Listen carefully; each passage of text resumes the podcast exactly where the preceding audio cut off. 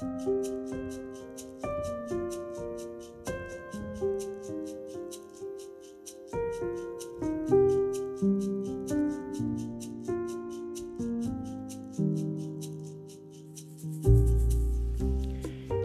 lyttere. Vi nærmer oss adventstida, og jeg har denne uka smugkikket på en av tekstene som ofte leses i advent.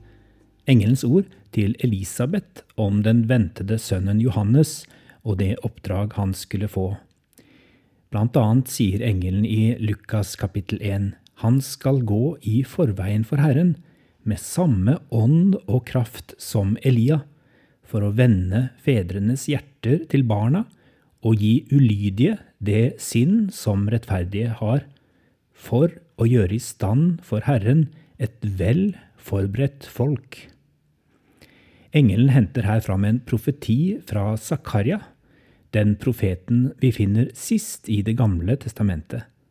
Slik knyttes Det gamle og Det nye testamentet sammen i overgangspersonen Johannes døperen.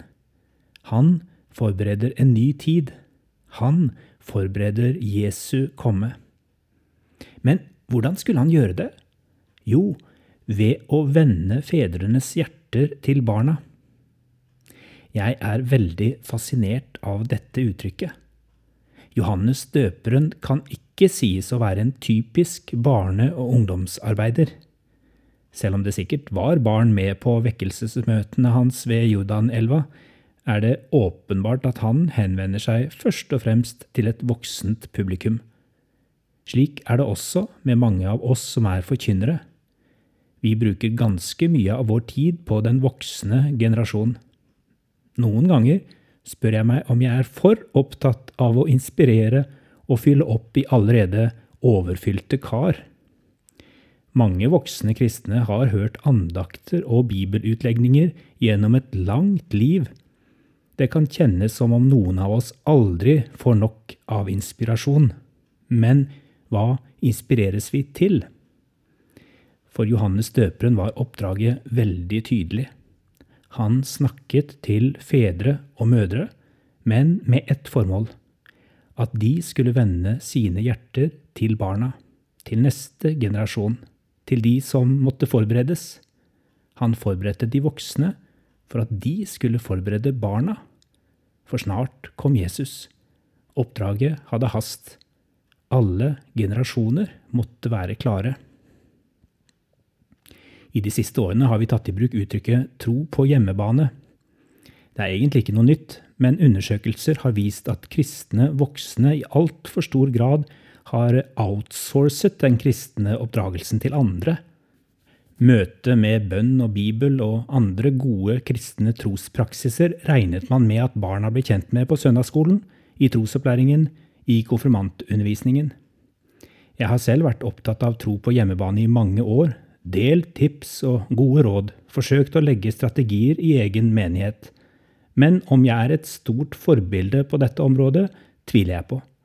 Min eldste datter har i voksen alder stilt meg spørsmålet om vi kanskje kunne ha vært mer frimodige i hennes oppvekst hjemme hos oss. I perioder kunne det virke som om kristne trospraksiser mer var noe som handlet om pappas jobb, enn noe naturlig som fløt i hjemmet. I alle fall etter at hun ble større, og vi ikke lenger fant det så naturlig å be aftenbønn med henne. Jeg har unnskyldt meg med at nettopp fordi jeg jobber som prest, var jeg varsom med å la presterollen ta for mye plass også hjemme. Det er min kone som ofte har tatt initiativ til spontan bønn, særlig når vi har vært på reise sammen. Likevel ble samtalen med min datter en tankevekker. Kunne jeg ha vært mer frimodig på hvor viktig bønn, bibel og kristne trospraksiser er for meg personlig, og kunne jeg ha funnet kreative måter å leve dette enda mer ut på, sammen med familien i hverdagen, ikke bare ved spesielle anledninger som jul og påske. Hvordan en familie velger å gjennomføre enkle trospraksiser på hjemmebane, fins det ingen fasit på, men jeg tror fortsatt på at vi kan oppmuntre hverandre. Og etter hvert har menigheter og organisasjoner blitt flinke på tips og ideer.